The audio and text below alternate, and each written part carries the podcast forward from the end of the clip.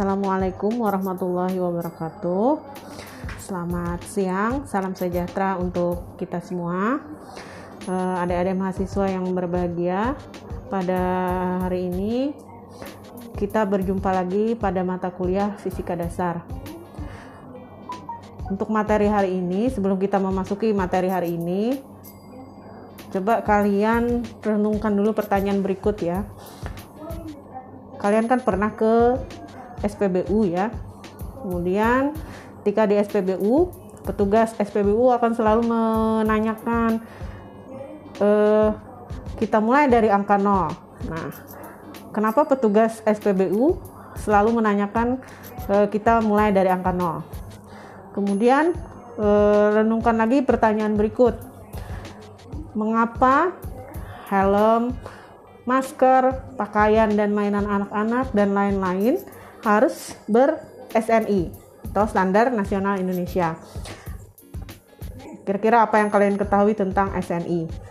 Kemudian renungkan lagi pertanyaan berikutnya. Hmm, apa yang terjadi jika alat-alat ukur kita, alat-alat ukur yang kita gunakan itu tidak terstandar? Oke. Nah, baik. Coba kita sambil jawab ya pertanyaannya. Nah, ketika petugas SPBU selalu menyatakan kita mulai uh, dari angka 0 ya. Nah, kenapa? Karena itu berhubungan dengan akurasi alat ukur. Nah, salah satu persyaratan untuk melakukan pengukuran adalah memastikan bahwa angka itu dimulai dari 0. Bagaimana kalau angka tidak dari 0? Maka kita harus melakukan namanya kalibrasi ya. Ada kata kunci kalibrasi.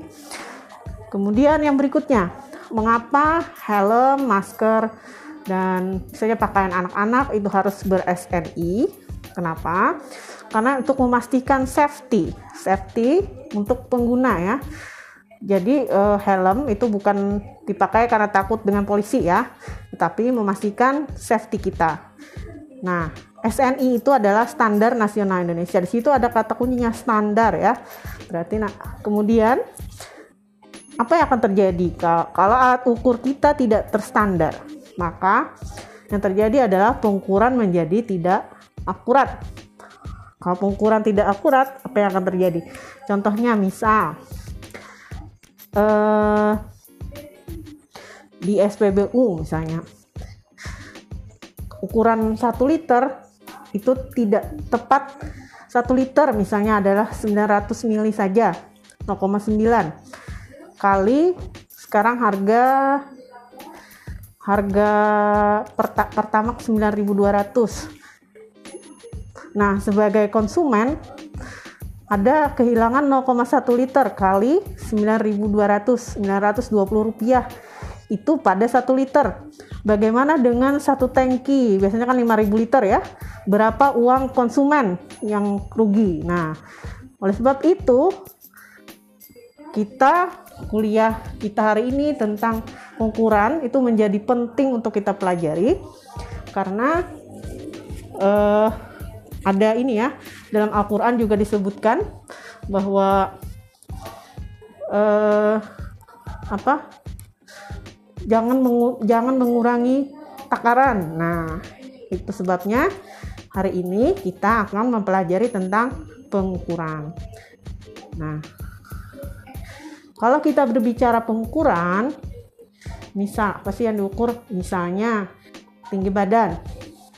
Misalnya tinggi badan saya 160 cm. Ada besaran 160 dengan nilai satuan cm. Berarti apa itu? Ada pembandingan eh, kalau mengukur tinggi badan berarti memakai penggaris. Nah, tadi dihasilkan 160 160 berarti 160 itu adalah namanya nilai besaran. Kemudian penggaris itu adalah standar yang namanya standar ya, standar yang sudah ditetapkan. Berarti pengukuran itu adalah proses pembandingan nilai besaran yang belum diketahui dengan nilai standar yang sudah ditetapkan. Nah, dalam pengukuran tadi ada kata-kata kunci tadi ya, standar, kalibrasi, kemudian akurasi. Kenapa? Kenapa ada kalibrasi dan akurasi? Karena di dalam pengukuran itu mengandung ketidakpastian. Mengapa mengandung ketidakpastian? Karena yang melakukan pengukuran itu juga mengandung ketidakpastian. Diingat di dunia ini tidak ada yang pasti. Pasti selalu penuh dengan ketidakpastian. Oleh sebab itu penting dilakukan kalibrasi dan pengukuran yang akurat. Oke. Nah,